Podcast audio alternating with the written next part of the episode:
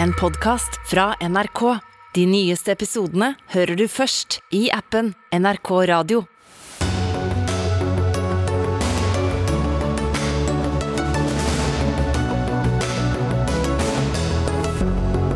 Rødt vil ha makspris på husleie for å dempe utleiemarkedet. Det løser ingenting, det er det bare mer boligbygging som gjør, svarer Høyre. Næringslivet, NHO og LO gjør felles sak og vil ha strømstøtte til bedrifter, og det med én en eneste gang. Men den eneste måten å komme gjennom dette på, er å bruke mindre strøm, sier en økonomiprofessor. Et beredskapslager for matkorn vil overhodet ikke lønne seg. Det har økonomen bak en ny rapport regnet ut, men regjeringen står på sitt. Det skal bli et beredskapslager. Sosiale medier er ikke grunnen, eller i hvert fall eh, ganske, ganske sikkert ikke grunnen til at flere barn og unge har dårligere psykisk helse, sier en professor i barne- og ungdomspsykologi. Men hva skjedde da, siden 2010? Jo, sosiale medier eksploderte. Velkommen til Dagsnytt 18 med Ugo Fermariello i NRK P2 og NRK1. Vi har hørt om studenter i boligkø, det er 14 000 av dem. Og vi har hørt om prisene som går opp i leiemarkedet. I Oslo har de økt med 2000 kroner i gjennomsnitt i måneden siden nyttår, skrev VG. Det vil partiet Rødt ha en slutt på, og foreslår foreløpig en midlertidig frys av leieprisene. Det sier du til samme avis, Tobias Drevland Lund, boligpolitisk talsmann og stortingsrepresentant fra partiet Rødt. Ja, Hvordan ser du for deg denne ordningen? Altså, I dagens eh, lovverk så åpner det opp for at man i lov om pristak eh, så kan kongen, da, eller dvs. Si regjeringa, si at uh, man skal ha en makspris, f.eks. på leie. Og I den situasjonen man er i nå, med økte priser på alt, alt fra strøm, mat, drivstoff, men også leiepriser, så mener Rødt at man må ta politisk kontroll over leiemarkedet, som har løpt løpsk altfor lenge. Vi kan lese om studenter som skal på studiestart om en uke som ikke har et sted å bo. Vi kan også lese om andre med dårlig råd, f.eks. folk på arbeidsavklaringspenger eller andre som sliter med å betale leia. Og Da vil det jo være helt usolidarisk at man eh, kan risikere å få en leie som er økt med 6,3% som er det som loven i dag sier, at man kan øke tilsvarende konsumprisindeksen. Akkurat nå er den på 6,3% Det betyr at hvis du har 10 000 kroner i leie månedsleie nå, så kan du risikere å måtte punge ut 7500 kroner mer i året. Og Det er veldig veldig mye penger for de som allerede sliter med å få endene til å møtes. Heidi Nordby Lunde, stortingsrepresentant fra Høyre.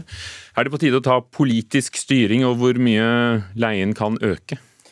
Det hadde vært fint å ta politisk styring på å bygge mer, spesielt i eh, byer som eh, Oslo, hvor det reguleres for lite, bygges for, for lite, og, og det som bygges ikke er tilpasset det markedet vil ha. Men til forslaget fra Rødt om å innføre en makspris, så er dette veldig enkel logikk. Det blir ikke mer av noe dersom man betaler mindre for det.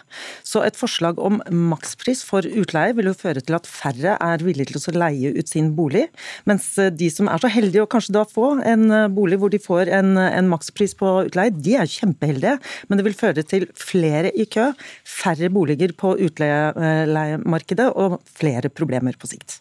Det er vel ikke mm, til å vente annet, Tobias Drevland Lund i Rødt, at, at dette er svaret fra Høyre. Men hvilke forventninger har du til regjeringspartiet Arbeiderpartiet og Senterpartiet? Altså regjeringen vår? Nå har vi diskutert eh, strømpriser blant annet, veldig mye utover våren. Eh, og Det er også viktig at vi tar eh, grep om noe av det som er mest forskjellsdrivende i Norge, og det er rett og slett utgifter til bolig. Og Da synes jeg altså man burde vært mer frampå med å sørge for at ikke de som leier må punge ut så mye penger som man risikerer å gjøre nå. Hvis f.eks.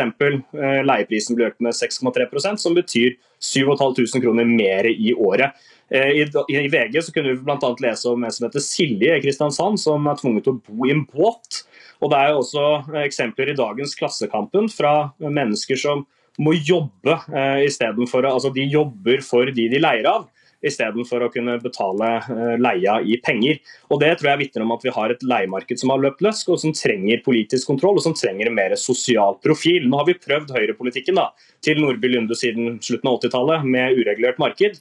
Nå er det på tide å ta mer kontroll over markedet og sørge for at vi får priser som leietagere kan leve av. Du får svare på det med høyrepolitikken, Lunde. Ja, altså for Det første, det blir ikke flere boliger ved å innføre makspris på de boligene som allerede er her. Og det som er med, Når vi snakker om eh, fri markedsøkonomi innenfor dette, altså alt er jo gjennomregulert i boligmarkedet. Fra hvor du får kjøpe, du har reguleringsplan, byggeforskrifter, rekkefølgebestemmelser. Det finnes ingenting uregulert i boligmarkedet. Og det ser du også her i byen, hvor det bygges for lite, reguleres opp for lite og ikke bygges til det. Og her i byen er Oslo, men vi hadde jo regulerte eh, priser og livslange kontrakter, og det gikk vi bort ifra. Ja, og det var det en grunn til. For det første så, for, eh, for, så reduserte det boligkvaliteten der hvor du hadde makspris på eh, og husleieregulering, fordi at da hadde jo ikke, fikk jo ikke huseier mulighet til å få inn kapital til å faktisk renovere de uh, bygningsmassene. Og Det førte heller ikke til mer boligbygging, og det førte til også her i Oslo at vi hadde et betydelig svart marked hvor penger ble betalt under bordet for å få de boligene som folk hadde behov for. Det var god grunn til å gå bort fra det, og det er en god grunn til at vi ikke skal gjeninnføre det. Geir Pollestad fra Senterpartiet på Stortinget, du tror heller ikke på makspris på leiemarkedet, og enda så er det dere regjeringspartiene som uh, Rødt setter sin lit til? Jeg tror at både Rødt og Høyre har eh, feil, eh, og så har de òg begge litt rett. Rødt tror en kan regulere seg ut av dette, det tror ikke jeg. Men jeg tror vi kan styrke leietakerne sine rettigheter, og det kommer regjeringa til å gjøre. Eh, Høyre peker på at en skal bygge seg ut av dette. Det tror jeg heller ikke en eh, kan. Men en kan bygge mer boliger. En kan la kommunene være mer aktive og få flere virkemidler til å få bygd boliger. Men, men hva mener du med å styrke leietagernes rettigheter? Altså, det er jo allerede en begrensning på nettopp konsumprisindeksen hvor mye eh, en leiepris kan øke. Selve prisen vil nok eh, være et resultat av eh, tilbud og eh, etterspørsel. Men så er det en del andre ting rundt leieforhold og hvor mye prisene kan økes når en er i et leieforhold, som vi jobber med. Og, og Det betyr at du vil regulere det enda strengere enn konsumprisindeksen? Ja, Det vil komme en ny husleielov, og hvordan den blir vet vi jo ikke ennå. Men retningen i regjeringsplattformen er jo å styrke leietakerne rettigheter. Men ett element som verken Høyre eller Rødt er opptatt av, de snakker kun om tilbudet av boliger. Eh, men det er klart at når vi vet at Oslo siden år 2000 har fått 200 000 nye innbyggere, så er det ikke rart at det er press og høye leiepriser. Eh, og situasjonen i Norge samla er jo at vi har nok boliger. Så jeg tror jo at vi må ha eh, en bedre distriktspolitikk. At sentraliseringa skaper disse pressproblemene. Vi må snu dette og ta i bruk hele landet. og Det er den eneste måten vi kan få kontroll på boligprisene i de store byene på, og Oslo spesielt. Så Senterpartiets løsning er både å gjøre noe med tilbudssida, men også gjøre noe med eh, etterspørselssida. Eh, og det vil ha effekt. Så folk tar feil, altså. De, de vil bo steder de ikke burde bo. Tobias Drevland Lund, kunne folk uh, sette seg om etter boliger andre steder? Må de bo i Kristiansand, Stavanger, Oslo, Bergen, Trondheim osv.? Ja, altså En aktiv distriktspolitikk kan jo både Pollestad og jeg snakke om på Stortinget med over en kaffekopp. Det gjør jeg mer enn gjerne, og det tror jeg også er veldig viktig. Men nå er jo også situasjonen den at eh, folk som er oppvokst i Oslo eksempel, eller oppvokst i flere av de store byene, sliter med å komme seg inn på boligmarkedet og også sliter med veldig høye leiepriser. og Det er derfor jeg tror at ikke løsninga som Høyre sier, som er bare å bygge mer boliger, er det eneste som hjelper. Ja, vi må bygge flere boliger. Ja, vi må ha mer eh, boligbygging og aktiv boligpolitikk. Men vi kan ikke bare se på den sida, vi må også gjøre politiske reguleringer. Som f.eks. Helsinki som er en by som ligner mye på Oslo, storby i Skandinavia, så har man tatt uh, politiske grep for å også sørge for en større andel sosial boligbygging av den boligmassen som blir satt av. Det er sånn type vi også ser på, burde se mer på i Norge. Men vi må også ikke bare se oss blind på å tenke at alle skal ha muligheten til å eie. For sannheten i dag er at veldig mange ikke har råd til å eie. Det er en veldig veldig fjern drøm, og da må vi også prøve å løse leiemarkedet her og nå.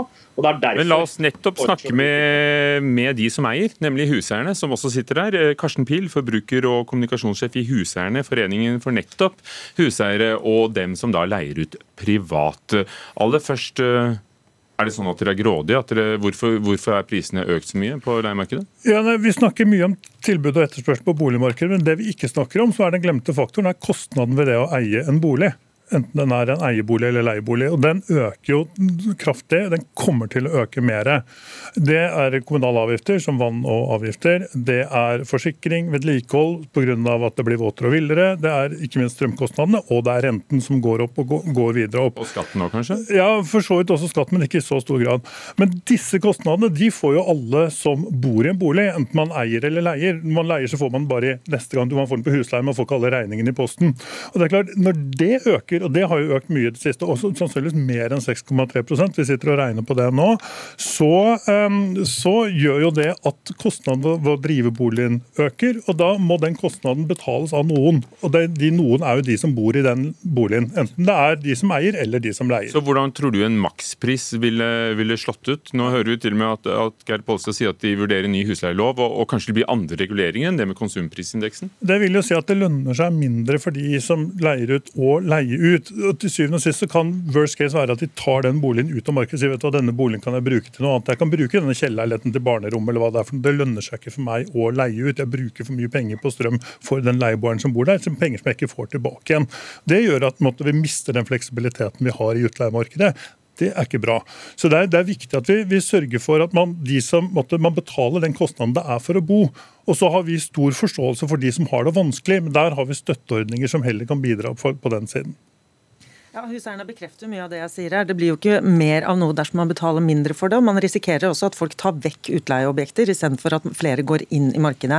Og Så sa jo Drevland Lund her at man ikke kan bygge seg ut av uh, boligmangel. Jo, det er jo det du må. Hvis du mangler noe, så må du ha mer av det. Det er jo bare én løsning på det. Det er ikke noe quick fix. Du må uh, bygge mer. Hva tror du om sosial boligbygging f.eks., som det ble vist til i Helsingfors? Ja, Du har muligheten for Du har mange sosiale boliger i Oslo Oslo som er betalt i de private eh, aktørene som allerede er der. og Man kan godt eh, legge inn mer på det. Vi har eie-til-leie-prinsipper, vi har flere eh, muligheter til å komme seg inn i boligmarkedet. Men ingen av disse er en quick fix på akkurat det utleiemarkedet vi snakker om nå. Og bare til slutt til Pollestad, altså det gjenkjennelige uh, Oslo-hatet. 200 000 nye innbyggere i Oslo, hjertelig velkommen til den store, varme byen her.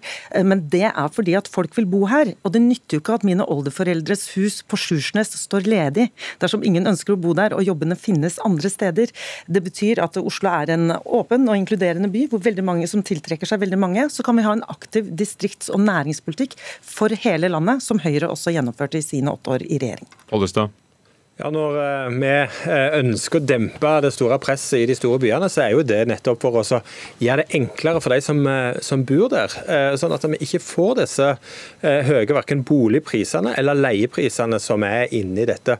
Og så handler jo det at Jeg tror at mange bor i Oslo helt frivillig, men det er òg fordi at det er veldig mye av arbeidsplassene, de statlige arbeidsplassene er lokalisert der. Vi må ta i bruk hele landet fordi at vi har nok hus. Og så skal vi òg i byene ha en mål målretta boligbygging. Både en sosial boligbygging, der stat og kommune jobber sammen med dette. Eh, inn mot spesielle grupper som studenter, så skal vi øke eh, innsatsen. Men jeg tror at vi Men det hjelper ikke nå. Rødt vil ha noe som hjelper nå, de. Nei, men Det er ingenting som, det, det, det, kommer ikke flere boliger ved å regulere. Men vi må se på reguleringene. Vi må se på tilbudssida og vi må se på etterspørselssida. Så vi må gjøre liksom hele menyen. Fordi at dette vil ta noe tid, og dette er komplisert. Men eh, det nytter ikke bare å si sentralisering, sentralisering, at Oslo skal vokse mest mulig. Eh, fordi at det, da klarer ikke utbyggingen å holde takt. Og Derfor så trenger vi å spre veksten i hele Lunde. landet. Ja, nå har Oslo under gjennomsnittet av antall statlige arbeidsplasser eh, blant eh, innbyggerne i, eh, i, Norge. Men poenget er at det er ingen quick fix her. Og det Pollestad ikke adresserer, er jo at den maksprisen som Rødt foreslår, ikke kommer til å gi flere boliger til utleie til studenter som trenger den nå. Men vi trenger en høyere utbyggingstakt også i Oslo og i pressområdene, for folk vil bo her. Det gjelder vel mange byer? Ja, absolutt. Men her i Oslo, hvor Rødt er støtteparti til, til byrådet, så har vi sett at det tar lengre tid å regulere opp nye boliger. Det reguleres færre, det bygges mindre enn det gjorde da Høyre satt i byrådet. Men nå er det altså en stortingspolitiker fra Rødt vi har med oss. og, øh, og Lund, når du hører dette, øh, altså det er kostnadene som huseierne har, som da må betales av noen. og det er jo da de som bor der. Øh, og du vil ha et makstak på, på det å øke husleien, men, men da, i neste omgang når den nye flytter inn, så settes jo prisen fritt. Eller vil du regulere det også? Altså, aller først så må det jo sies at Den gjennomsnittlige eh, prisveksten i Norge gjennomsnittsprisen i KPI da, er på 2% så det taket vi foreslår er jo, legger seg egentlig litt over, på 2,5% Men så er det jo egentlig ikke synd på utleiebaronene i Norge. fordi her Forrige uke så kunne jeg lese om Ivar Tollefsen og hans selskap som gikk over 19 milliarder kroner i overskudd. De er Norges største private utleier. De fleste er kanskje ikke så store. Det handler Men, om kjellerleiligheter eller en ekstra leilighet.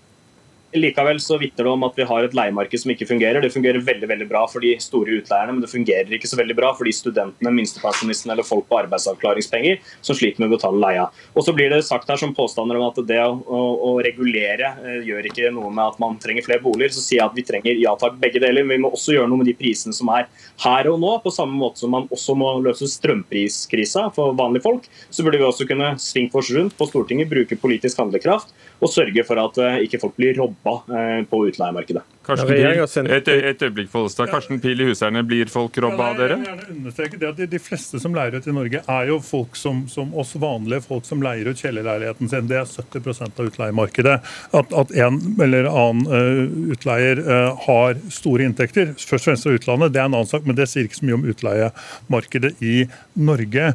Og så tror jeg det er viktig både at Høyre og også regjeringen ser på kostnadssiden her. Den kommer til å øke mye. Det skal ekstreme måtte flere hundre milliarder kroner inn i vann og avløp f.eks. Det er penger som kommer til å komme rett på husleien til folk, eller på, til også vanlige folk som eier.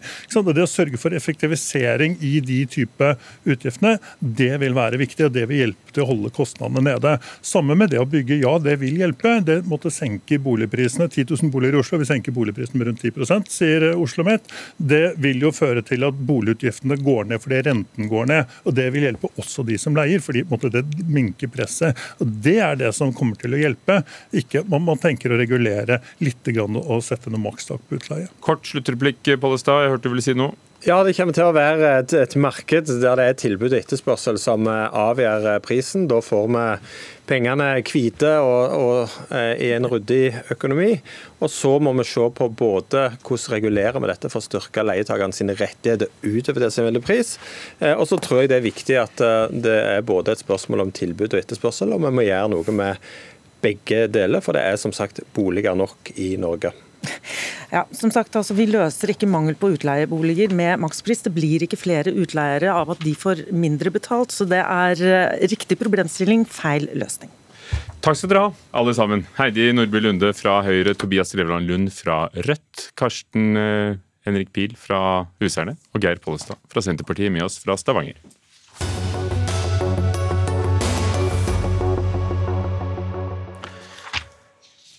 Både fagforeningen i LO og næringslivet selv NHO vil umiddelbart ha strømstøtte til bedriftene. I ettermiddag kom de med en felles uttalelse, men ingen av dem ville komme hit til Dagsnytt 18 for å si hva de ønsker seg. De vil først møte statsministeren, og det skal de på mandag. Nils Henrik von der Fehr, professor i økonomi ved Universitetet i Oslo.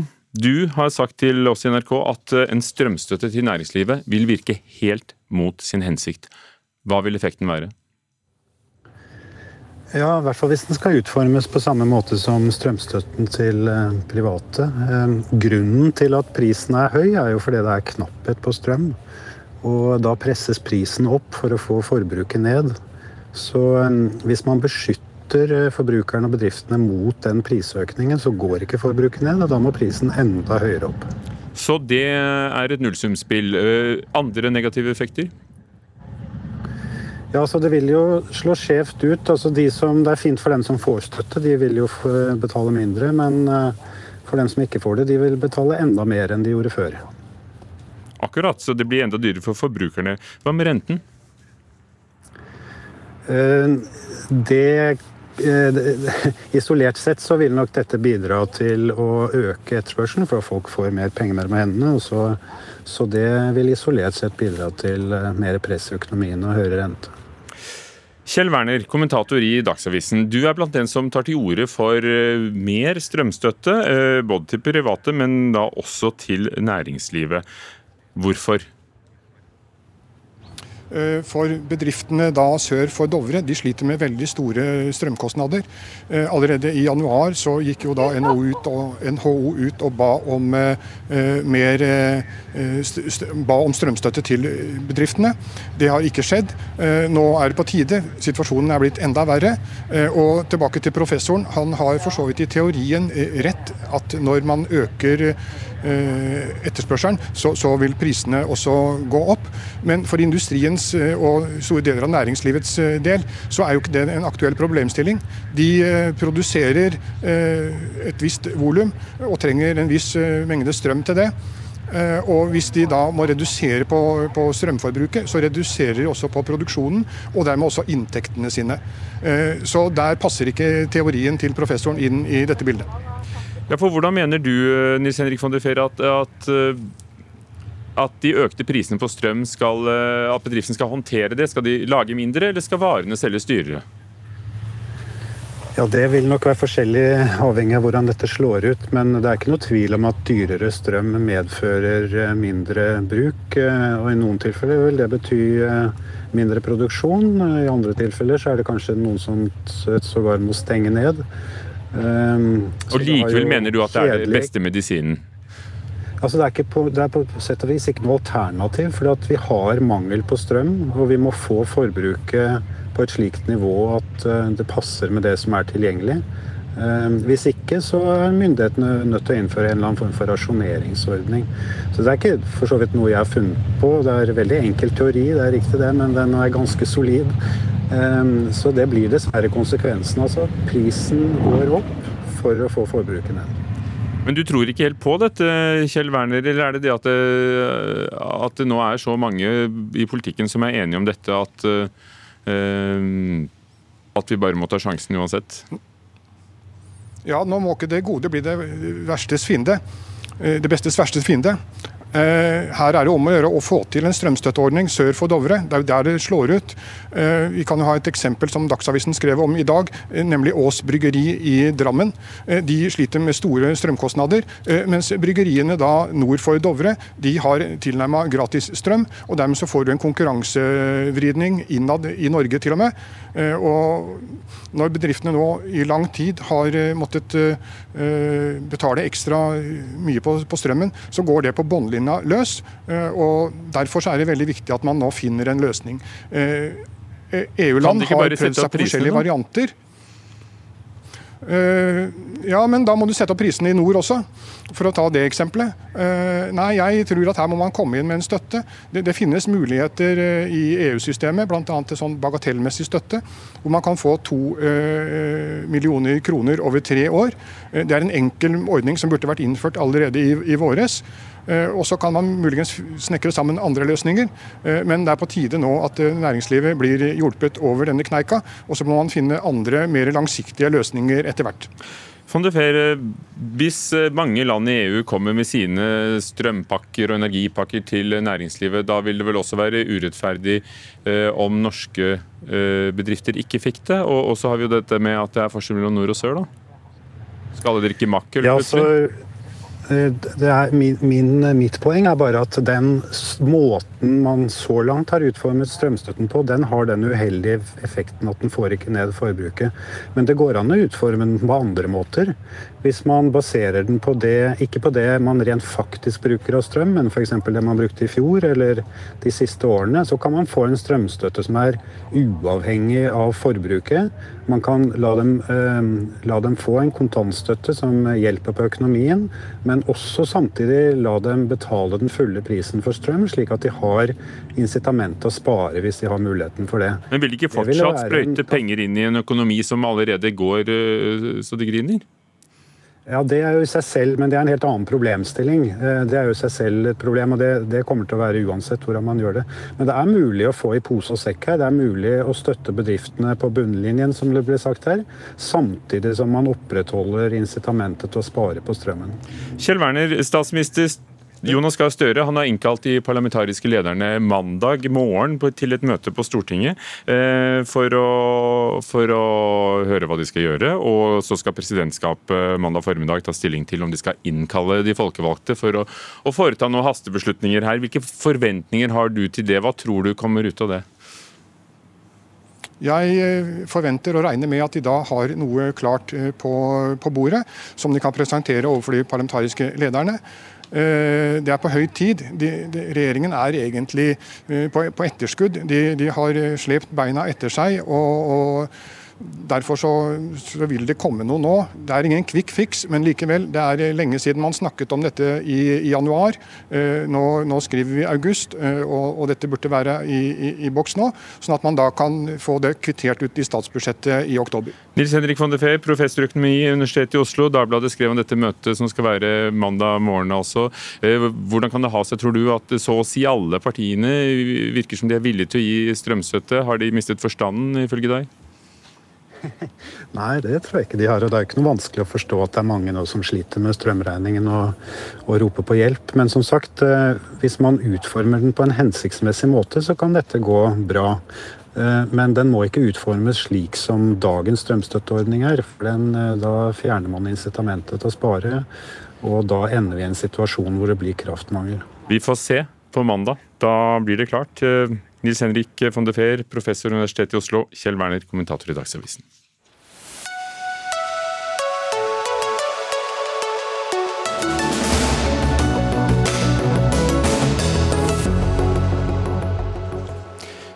Syv av ti svarte ja på spørsmålet om de ønsker hardere skattlegging av de rike. Rødt kritiserer regjeringen for å videreføre skattekutt fra Solberg-regjeringen. Så får vi se hvem som vil skattlegge hvem, og hva menes med de rike. Den debatten tar vi mot slutten av Dagsnytt 18. Det å bruke timevis hver dag på å rulle nedover skjermen på Instagram, TikTok, Twitter, Facebook, Snapchat, det eksponerer unge for tusenvis av inntrykk, og bruken av sosiale medier ble trukket frem som en av årsakene til at det er kommet langt flere tilfeller av dårligere psykisk helse blant barn og unge, da NTNU presenterte sin store undersøkelse om mental helse. Men forskningen forteller oss ingenting klart. Ifølge Silje Steinsbekk, professor ved Institutt for psykologi på NTNU, du er selv barne- og ungdomspsykolog. Eh, du skriver dette på forskersonen.no. Er det for lett å skylde på sosiale medier? Nå har jeg sammen med kollega Lars Wikstrøm oppsummert den eh, forskninga som per i dag foreligger. Eh, dessverre er det veldig inkonsistente funn. Noen finner at sosial mediebruk går sammen med psykisk helse, altså at det fører til bedre psykisk helse. Andre med at det henger sammen med dårligere psykisk helse. Og en rekke studier finner ingen sammenheng. Så kort oppsummert så har vi ikke i dag grunnlag for å si at sosial mediebruk kan forklare eh, hvorfor unge i større grad har eh, depresjon og angst enn tidligere. Daniel Albert Weiss, førsteamanuensis ved Fakultet for samfunnsvitenskap, eh, universitet, Nord universitet, eh, med oss fra Bodø. Hva er din forklaring på at det siden 2010, ifølge denne undersøkelsen, er blitt dobbelt så mange unge og, og, som rapporterer om depresjon og angst? Ja, Det vi ser med, med vår forskning er akkurat som du sier, at det, den der um, populasjonen, den ungdomspopulasjonen uh, har rapportert mye større incidens av um, angst og depresjon i den tida. Og teorien vår er uh, i stor grad at det, dette skilles av den store innflytelsen som sosiale medier har hatt, uh, spesielt blant den ungdomsgruppa. Men er det noe du tror, eller noe du, du ser fra forskningen? Det er foreløpig en teori. Eh, det er nok eh, forskning der for å si at, at, eh, at det her er mer enn bare ren gjetting. Men det som gjør det vanskelig for oss å forklare dette på populasjonsnivå, som er vel fint å huske at, at det er annerledes enn mye av den forskningen som Silje og Lars refererer til, som har på individnivå, er at hele populasjonen her blir eksponert til til eh, eh, sosiale medier. Så vi har for så vidt på populasjonsnivå ingen type kontrollgruppe som vi kan sammenligne med. Men Kan det være Silje Steinsbekk, at, at dere psykologer ser på hver enkelt av oss og hver enkelt av de unge. Og når du ser på populasjoner, da, og denne undersøkelsen jeg viste til, det er altså helseundersøkelsen i Trøndelag. 150 000 ungdommer er fulgt uh, i årevis. At det er samfunnsmessige endringer. Ja, og det er, det, er en fantastisk flott studie, og også andre studier internasjonalt viser at forekomsten av angst og depresjon har økt. Så Det er vi veldig enige om. Det vi nok er uenige om, er kunnskapsgrunnlaget for å hevde at det skyldes sosial mediebruk. Um, det, er, det er jo sånn at, sånn som de beskriver det, så, så er det som om sosial mediebruk det påvirker alle likt. Og det er som om som sosial mediebruk har gjort at vi alle har hoppa litt opp på depresjonsskalaen, og, og, det har jeg vanskelig for å tro, så fremt det ikke kan underbygges med forskning. Så den forskninga som er gjort, som er, baserer seg på en rekke studier internasjonalt, um, den viser, som vi har oppsummert, at det, det er svake sammenhenger og det er inkonsistente funn. Men det betyr det er masse vi ikke vet. Sammenhengene er komplekse. og Derfor er vi veldig glad for at vi har fått støtte både fra Forskningsrådet og Stiftelsen DAM til å dykke ned i det her og virkelig se på hvem er det som er sårbar for å utvikle depresjon som følge av sosial mediebruk. Hvilken type sosial mediebruk er særlig uhensiktsmessig, og hvem kan dra særlig nytte av sosiale mediebruk. Og hvordan kan vi bruke sosiale medier på en måte som fremmer god psykisk helse. Weiss, hvis det er sånn at forskning eh, peker i ulike retninger, vil du også ta høyde for at sosiale medier også virker positivt inn for, eh, for det å være barn og ung og vokse opp? Jo, det kan definitivt være positivt òg på, på, noe vis, men, men eh, jeg tenker det, det, er igjen viktig å påpeke at, at jeg og Silje snakker om to forskjellige ting her, og, og at vi kan ha to endringer samtidig hvor vi har både en stor endring av uh, angst og depresjon i, i, hele den ungdomspopulasjonen, som, som, uh, som, også skyldes i stor grad av sosiale medier, samtidig som innad den gruppe så har vi variasjon som gjør at noen klarer seg bedre enn andre, og at den variasjonen vil være veldig vanskelig å, å bruke for å prøve å forklare den store trenden vi ser på populasjonsnivå. Men nå er det jo sånn at sosiale medier er jo der, det er ikke så mye å gjøre med det. Men eh, hvordan mener du, Weiss, for du skriver jo noe om det også du på Forskersonen, at, eh, at det ikke dekker de fundamentale menneskelige behovene som barn og unge har, som mennesker har? Jo da, det, eh, det, som vi er inne på her, er den overtagelsen av uh, sosiale medieselskapenes uh, uh, deler av, av, ungdom sitt liv. Så, så, vi har nå en slags økning i, i, um, i kapitalistisk nyliberalisme, som også tar over en del av livet til folk som som uh, i stor grad var en del av privatlivet før. For eksempel? Ja, eh, så disse selskapene har muligheten til å, å, å gripe inn og, og både styre uh, og styre atferden til, til uh, brukere av, av uh, sosiale medier. Det, det, har vi ikke sett før. Vi har ikke noen andre teknologier, spesielt disse skjermbaserte teknologier, som gjør at, at disse selskapene har hatt den makten før. Silje Steinsbekk, vi går jo så å si alle og glaner i en skjerm så å si hele tiden. Det er jo en enorm forandring som har skjedd. Mm. Tror du ikke noe har skjedd med oss, og, og noe av det negativt? Eh, det er veldig lett å være enig med Weiss og, og kollegaene i at digitalisering, tilgang på sosiale medier, gjør noe med samfunnet vårt, men det er langt derfra til å si at det fører til mer angst og depresjon. Det er det ikke. altså De sier det i teori, men per i dag så har vi ikke kunnskap som understøtter det. Eh, det er klart, Digitalisering har gjort mye med arbeids... Ja, Samfunnet, hva med hver og enkelt av oss, da?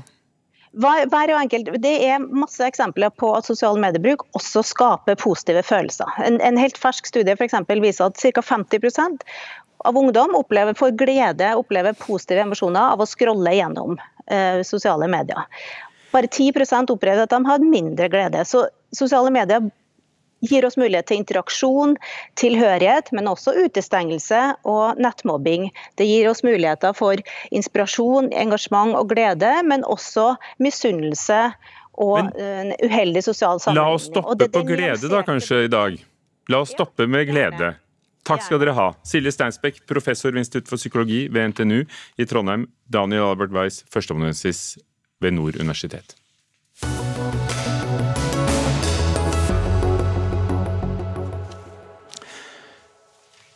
Nok en gang er eh, spørsmålet om beredskapslager aktuelt, ikke minst pga. kornforsyningen i verden. Den skal vi snakke mer om ganske snart, eh, men det var også et av Senterpartiets store valgkampløfter. Å etablere beredskapslager for matkorn, for det har vi ikke hatt siden 2003. Spørsmålet er blitt utredet i flere omganger, og enda en utredning er i gang. Denne gangen har flere eksperter konkludert med at eh, et beredskapslager vil være samfunnsmessig ulønnsomt. Du er en av dem som står bak rapporten, økonom Håkon Rikles i Vista Analyse, for ordens skyld også i bystyret for Venstre i Oslo, og du skriver i Aftenposten at dette ikke lønner seg. Fortell oss hvorfor. Ja, eh, Det er jo kanskje ikke helt intuitivt at et beredskapslager ikke lønner seg i disse tider med en pressesituasjon, men det vi har kort fortalt funnet ut, er at Norge er godt rustet til å håndtere eh, eventuelle kriser som skjer, eh, og at eh, kriser er relativt usannsynlig. Så går litt mer i detalj, så har Norsk institutt for landbruksforskning i 2014 sett på sannsynligheten for en total forsyningssvikt, og de fant at den var svært lav, og at norske kornmarkeder i tillegg kunne håndtere en sannsynlig forsyningssvikt. Og så har vi på oppdrag fra Landbruksdirektoratet sett på en annen type krise, en priskrise. At prisene går dramatisk opp. Eh, og da har vi sett eh, på prisdata langt tilbake i tid. og også sett på uavhengige forskeres eh, anslag på sannsynligheten, og funnet ut at det er en moderat sannsynlighet fremover for at dette kan skje, selv om vi ikke finner noen eksempler på at det har skjedd de siste eh, seks tiår, og heller ikke noen eksempler lenger tilbake i tid enn det. Så ser vi at det er en moderat sannsynlighet på rundt 1% i året. Men, men, en slik priskrise vil i liten grad påvirke norske husholdninger, fordi eh, mathvete utgjør en veldig liten andel av husholdningskonsum. Det er kun 0,02 av husholdningens samlet konsum eh, som er, eh, kommer fra importprisen av hvete. Eh, og, mm. og ut ifra det så blir da vi sier ikke at nytten er null. Eh, vi finner en nytte på 251 millioner kroner av å etablere et beredskapslager med seks måneders varighet. Eh, og så vet vi at Landbruksdirektoratet på egen hånd har utredet kostnadene, og de kostnadene er vesentlig høyere. Så da er det som med alle andre da, ting, at når kostnadene er høyere enn nytten, så bør man da se på eventuelle andre tiltak. Da tar jeg ordet og gir det til en som ventet lenge, Geir Pollestad, stortingsrepresentant for Senterpartiet. Dette har dere kjempet for lenge. Dere mener tydeligvis det er verdt prisen å betale mer mer enn det eh, gevinsten er. Ja, og nå skal det etableres eh, beredskapslagring av korn i eh, Norge. Det slår regjeringsplattformen fast. Og Sånn sett så er det ganske uinteressant hvordan en beregner dette. Dette det er greit å vite hva det koster og, og, hvordan det lønner seg, kanskje? Jo, men lønnsom, Den samfunnsøkonomiske beregningene eh, Dette er jo et spørsmål som ble avgjort eh, Eh, ved valget i 2021, der vi gikk til valg eh, og hadde et motsatt standpunkt av forrige regjering. Vi ønsket å etablere dette. Og Jeg har lyst til å sammenligne det litt med eh, en brannforsikring. De fleste av oss har jo forsikra boligen vår mot eh, brann. For de aller fleste så vil det være penger ut av eh, vinduet. Men for de det rammer, så vil det være kjærkomment. Og bare for å ta eh, noen konkrete forhold som kan skje. det ene er jo en pandemi. Vi kan få en pandemi som er mer dødelig enn den vi har hatt, med krig. Vi kan få en krig i Europa som er mer omfattende enn den vi har i dag. Eh, klimaendringer, tørke, eh, ligger i tillegg. Og Så er det jo det som er feil med økonomene når de leker spåmenn. For de sier at dette er liten grad av sannsynlighet, eller svært usannsynlig. Og Det er jo de like dårlige å spå som alle andre. Eh, og beredskap handler jo nettopp om å være forberedt på at det utenkelige skjer. Og Da er det et politisk spørsmål, og det politiske valget har vi tatt. Og vi ønsker å etablere et beredskapslager for korn. Håkon Rikles, har du forståelse for det at politikk det handler ikke alltid om å gjøre det som lønner seg, men det, det de vil? Det, det, det, gjør det selvfølgelig, men det er fint å forholde seg til de fakta man faktisk har bestilt.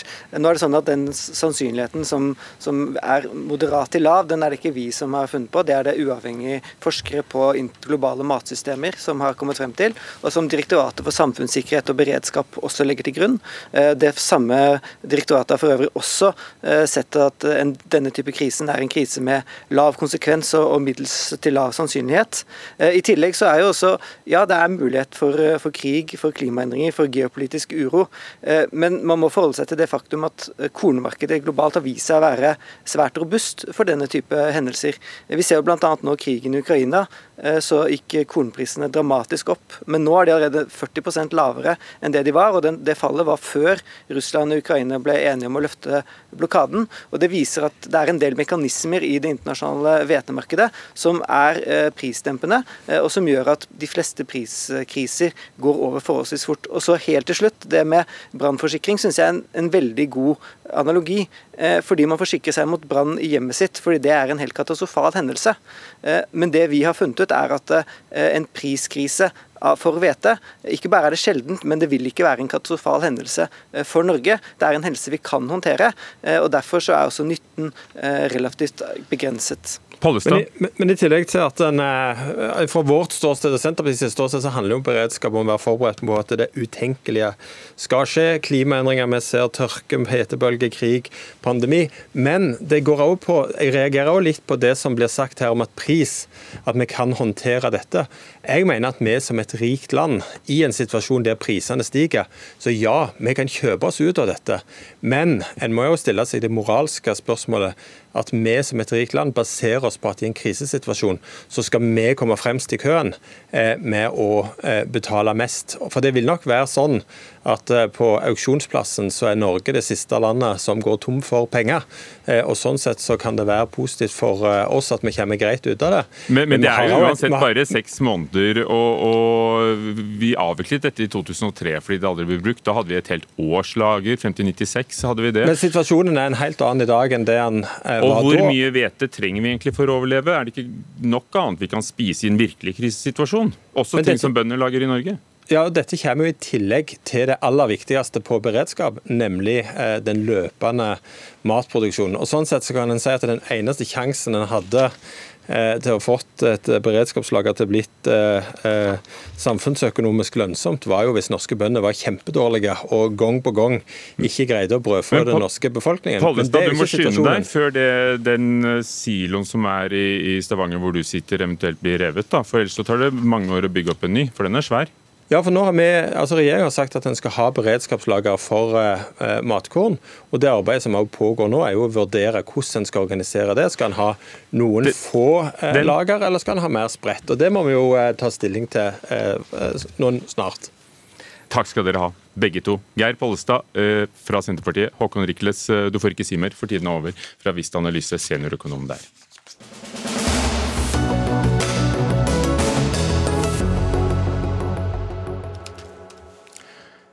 Erdogan. Den tyrkiske presidenten Recep Tayyip Erdogan er i Russland og har møtt eh, Vladimir Putin, Russlands president, i Sotsji. Forrige uke møttes de i forbindelse med toppmøtet i Iran. Åse Marit Befring, du følger med fra Istanbul, eh, vår korrespondent der. Eh, Erdogan sier det var fruktbart, men hvilke frukter har det båret? Ja, Det er fortsatt uklart. Det er ikke mange kommentarene som har kommet eh, ut. Disse har jo møtt hverandre gjentatte ganger de siste årene. Eh, har vært i Russland hele åtte ganger siden 2019. Og én ting i hvert fall som eh, lå på bordet, var nye handelsavtaler og knytte nye, flere økonomiske bånd. Eh, men eh, det var på forhånd ventet at eh, ville ta opp Tyrkias planlagte militæroffensiv i opprørskontrollerte Nord-Syria. Eh, dette er eh, noe som eh, Tyrkia planlegger for fullt. De ønsker å sende inn styrker og fordrive kurdiske YPG-militsen og lage en enda større buffersone mot egen grense.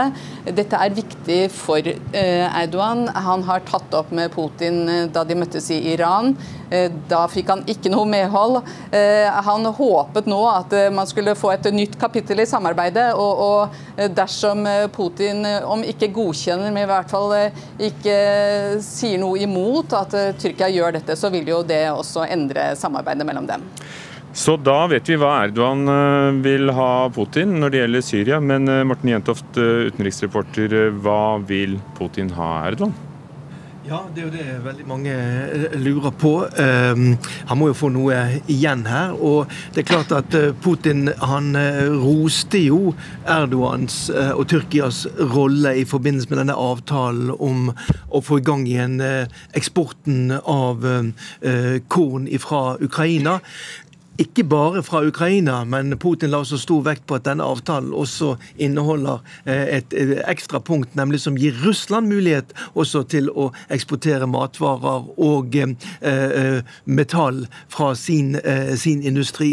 Så det man spekulerer i, det er jo om det igjen da er Tyrkia som kan forsøke å få i gang denne helt fastlåste konflikten, krigen i, i, Ukraina. Eh, det ble det jo ikke sagt noe om i forbindelse med starten på dette møtet, og det skal jo heller ikke være noe så vet jeg forstår, noe pressekonferanse etter møtet. Så vi får se hva som blir resultatet av dette. Men som kollega hos Marit Befring sier, eh, det er ganske tett kontakter mellom eh, Russland og Tyrkia. Og Tyrkia har jo også et godt forhold til Ukraina, og har jo bl.a. forsynt de da med, med disse dronene som har vært veldig effektive mot de russiske styrkene. For Der er jo som Marit Befring, Erdogan og Tyrkia i en litt sånn pussig, paradoksal stilling. Eh, et Nato-land som er så nærme Putin.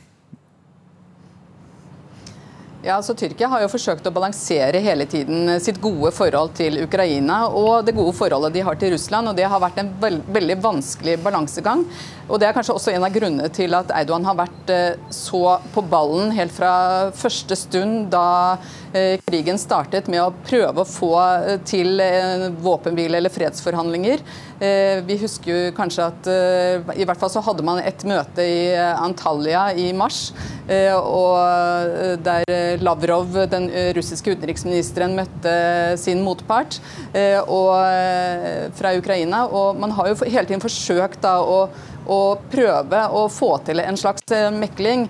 Og det er jo ingen tvil om at det er Erdogan som har blitt hyllet for at han har fått på plass, sammen med FN, da denne eh, korn avtalen, eh, at han vil prøve å ta det ett skritt lenger, nemlig å få til at eh, Zelenskyj og Putin møtes i Istanbul til en våpenhvileavtale. Vi hører eh, skipene fløyte i Bosporos-stredet. Det romsterer bak deg også, Marit Befring. Er det kommet fart i korneksporten? For det har jo tatt tid, selv etter at avtalen var på plass? Ja, det har tatt tid. og De har jo sagt at det skulle gå ett skip om dagen. og Så vet vi at det er tre skip i dag som har lagt ut. Det er ett som skal til Tyrkia, ett som skal til Irland og ett til England. Eh, men alle sammen skal jo gjennom den samme omfattende kontrollen som Russland har krevd skal gjennomføres i Svartehavet før de får lov til å gå videre gjennom Bosporos-stredet. Eh, så dette kommer jo til å ta tid, og det er en veldig krevende operasjon. Det er snakk om 20 millioner tonn korn som skal ut, eh, og det krever jo veldig veldig mange skip. Eh, jeg har fått anslått at man må ha minst 500 skip for å få denne operasjonen til å gå rundt. Men uansett, det er en krevende operasjon. Det går sakte, men sikkert fremover. Denne uken så har fire skip i hvert fall lagt fra kai i Ukraina. Morten Jentoft, det er da ett eksempel på, på tilnærmingen, men, men dette store spørsmålet, altså angrepskrigen mot Ukraina, muligheter for fredssamtaler. Hvordan vil du anslå det? Ja, Akkurat nå så eh, er jo mulighetene svært svært små. Krigen den eh, fortsetter jo for fullt. Det kommer meldinger om veldig harde kamper, ikke minst øst i eh, Donbas-området. Det skal også være skutt i nærheten av dette atomkraftverket i Zaporizjzja, Europas største atomkraftverk. En veldig veldig farlig situasjon, altså. Så krigen den fortsetter for fullt, og, og kravene fra ukrainsk side er jo helt klare. Russerne må trekke seg tilbake til der de sto før de gikk til angrep 24.2. Så uh, hvordan man skal få til et kompromiss uh, på dette nå, det er, er, vanskelig eh, å si. Man venter jo også at ukrainerne etter hvert vil sette i gang en mindre motoffensiv, kanskje få noen eh, seire på bakken, og at det kan åpne opp for at de også kan være moden for, for, for forhandlinger. Det at Putin og Audun møttes i Sotsji i dag, det er ikke noe som nødvendigvis åpner en dør der? Nei, ikke, ikke umiddelbart. Da, selv om, eh, som vi har hørt her, det er et lite håp eh, gjennom at denne korneksporten er kommet eh, i gang igjen. Det er i alle fall et lite positivt tegn. Morten Jentoft, utenriksjournalist, og Åse Marit Befring, korrespondent, med oss fra Bosporus-stredet.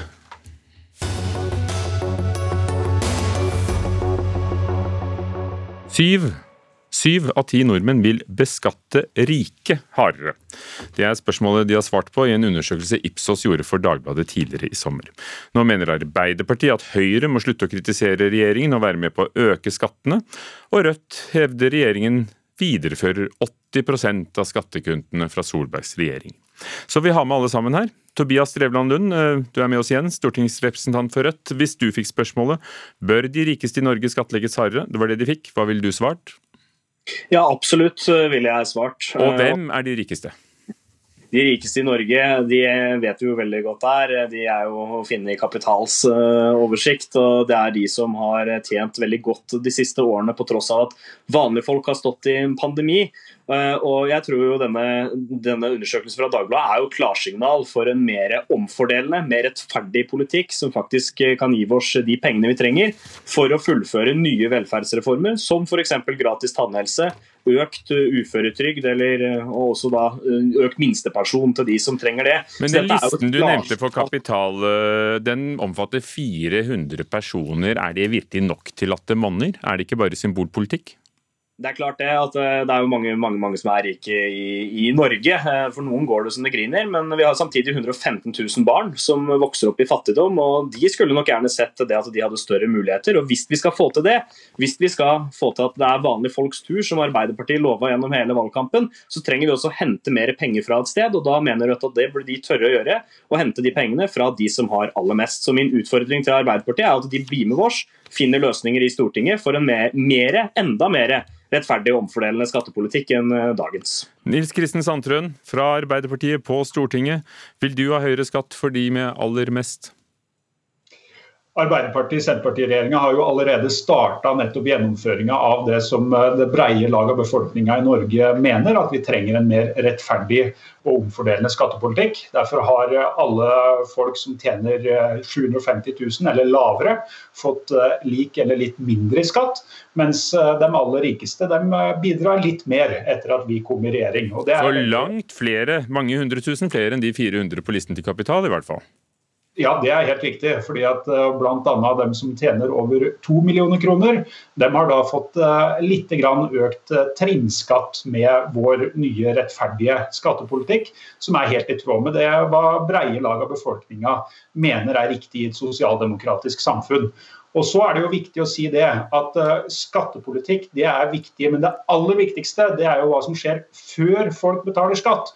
Og det at vi løfter folk med vanlige jobber på gulvet, og at de nå får trygghet i arbeidslivet med faste stillinger, og at vi rydder vekk i den økninga i sosial dumping som vi har sett de siste åra. Men nå er det ikke den debatten vi tar nå, Sandtrøen. Nå tar vi jo, den om skatt. Det henger sammen, ikke sant. Fordi at et godt arbeidsliv som er trygt organisert, det gjør at folk vil bidra i velferdsstaten.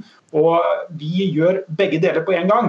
Og Det er jo det som er så gledelig å se med samfunnsutviklinga nå, at vi får til nettopp den. Så skal vi tro deg et Columbi egg, altså. Heidi Nordby Lunde på Stortinget fra Høyre med oss igjen. Dere har kalt regjeringens skattepolitikk for rett og slett næringsfiendtlig. Hvor, hvor er det skoen trykker, mener du?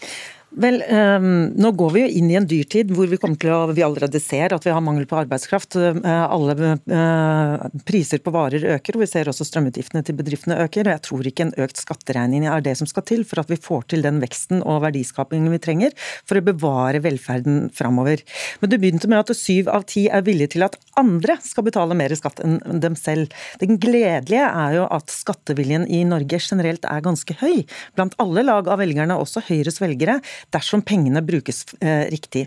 Og Da er det jo litt som Drevland Lund er, eh, er inne på. Dette, vi har jo pengene, du trenger ikke dra inn mer for å prioritere de viktigste oppgavene. Og Det gledelige etter åtte år med Høyre i regjering så vi at arbeidslivskriminaliteten, som Sandtrøen var inne på, har stagnert og gått ned. Vi ser at vi har fått et tryggere arbeidsliv, og vi, vi vet også i dag at faktisk faktisk er det slik at de 10% rikeste i Norge de betalte mer i personskatt i 2018 med Høyre i regjering enn de brukte, betalte i 2013, da Arbeiderpartiet satt i regjering. Så det er slik at vi har et rettferdig og omfordelende skattesystem i Norge, hvor de med de bredeste skuldrene skal bære den tyngste børa. Det har de gjort under Høyre-regjering, og det er bra at de også skal gjøre det framover.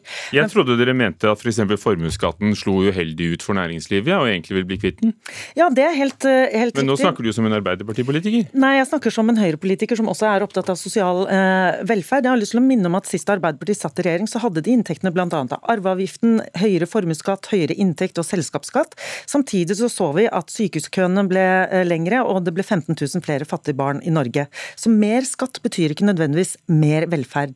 Vi fjernet arveavgiften, vi har senket de skattene jeg nevnte, også formuesskatten, fordi vi mener den er problematisk for næringslivet. Samtidig som vi reduserte helsekøer, økte barnetrygden og innførte gratis kjernetid i barnehagen for lavinntektsfamiliene. Så det er ingen motsetning mellom skattelette og velferd. Og skal vi vi beholde tilliten og oppslutningen til det skattesystemet vi har, så må det være en sammenheng også med hva du betaler inn og hvordan dette fordeles ut. Tobias Drevland Lund, nå sier altså Høyre og Heidi Nordby Lunde at de med, de med mest, de 10% med mest, de betalte mer også under deres regjering.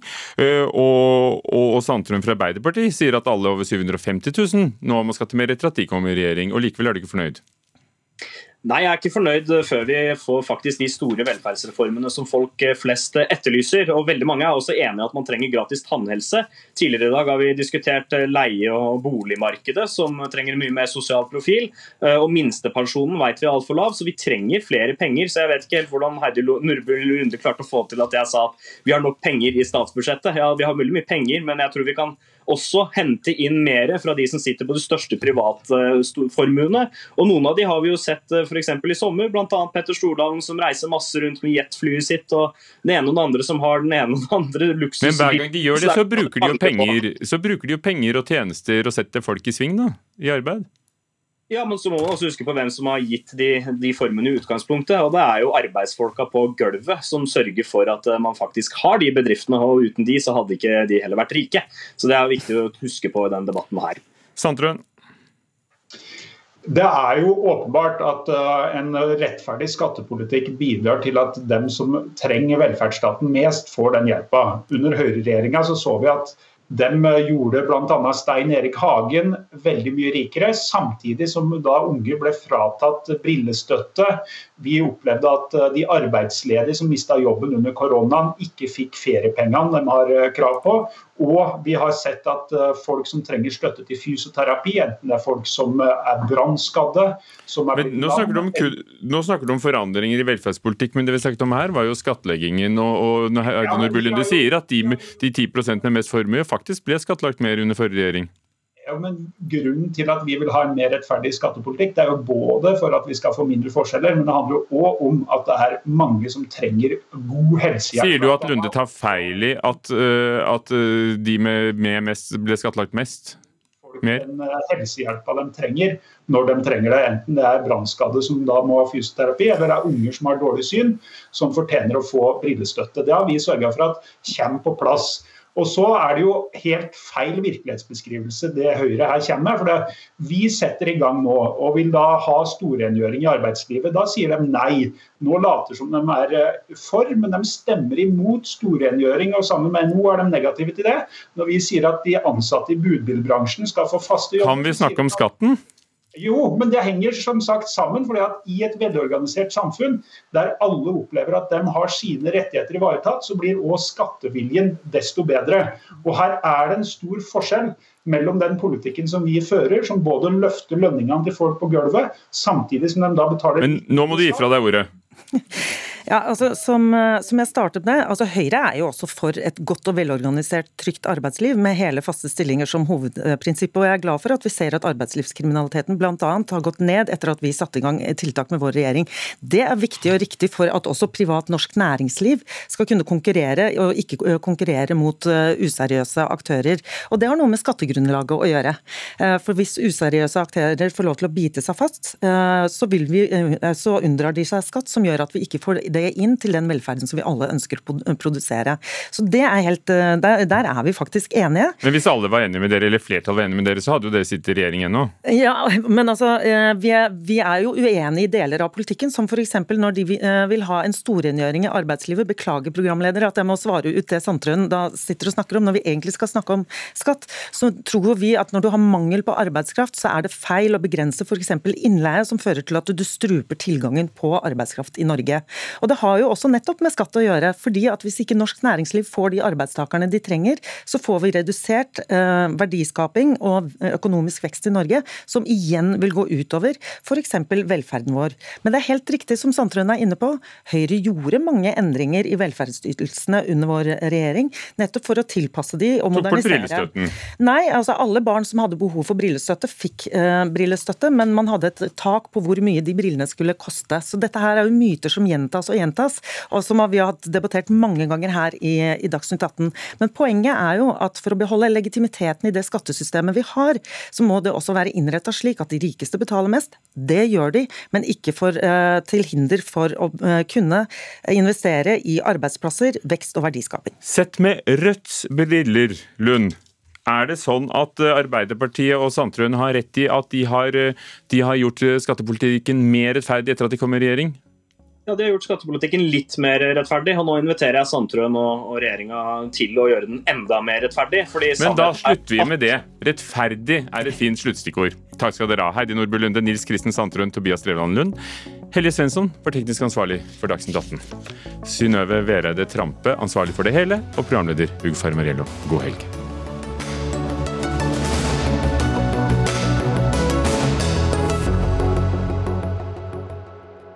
Du har hørt en podkast fra NRK. De nyeste episodene hører du først i appen NRK Radio.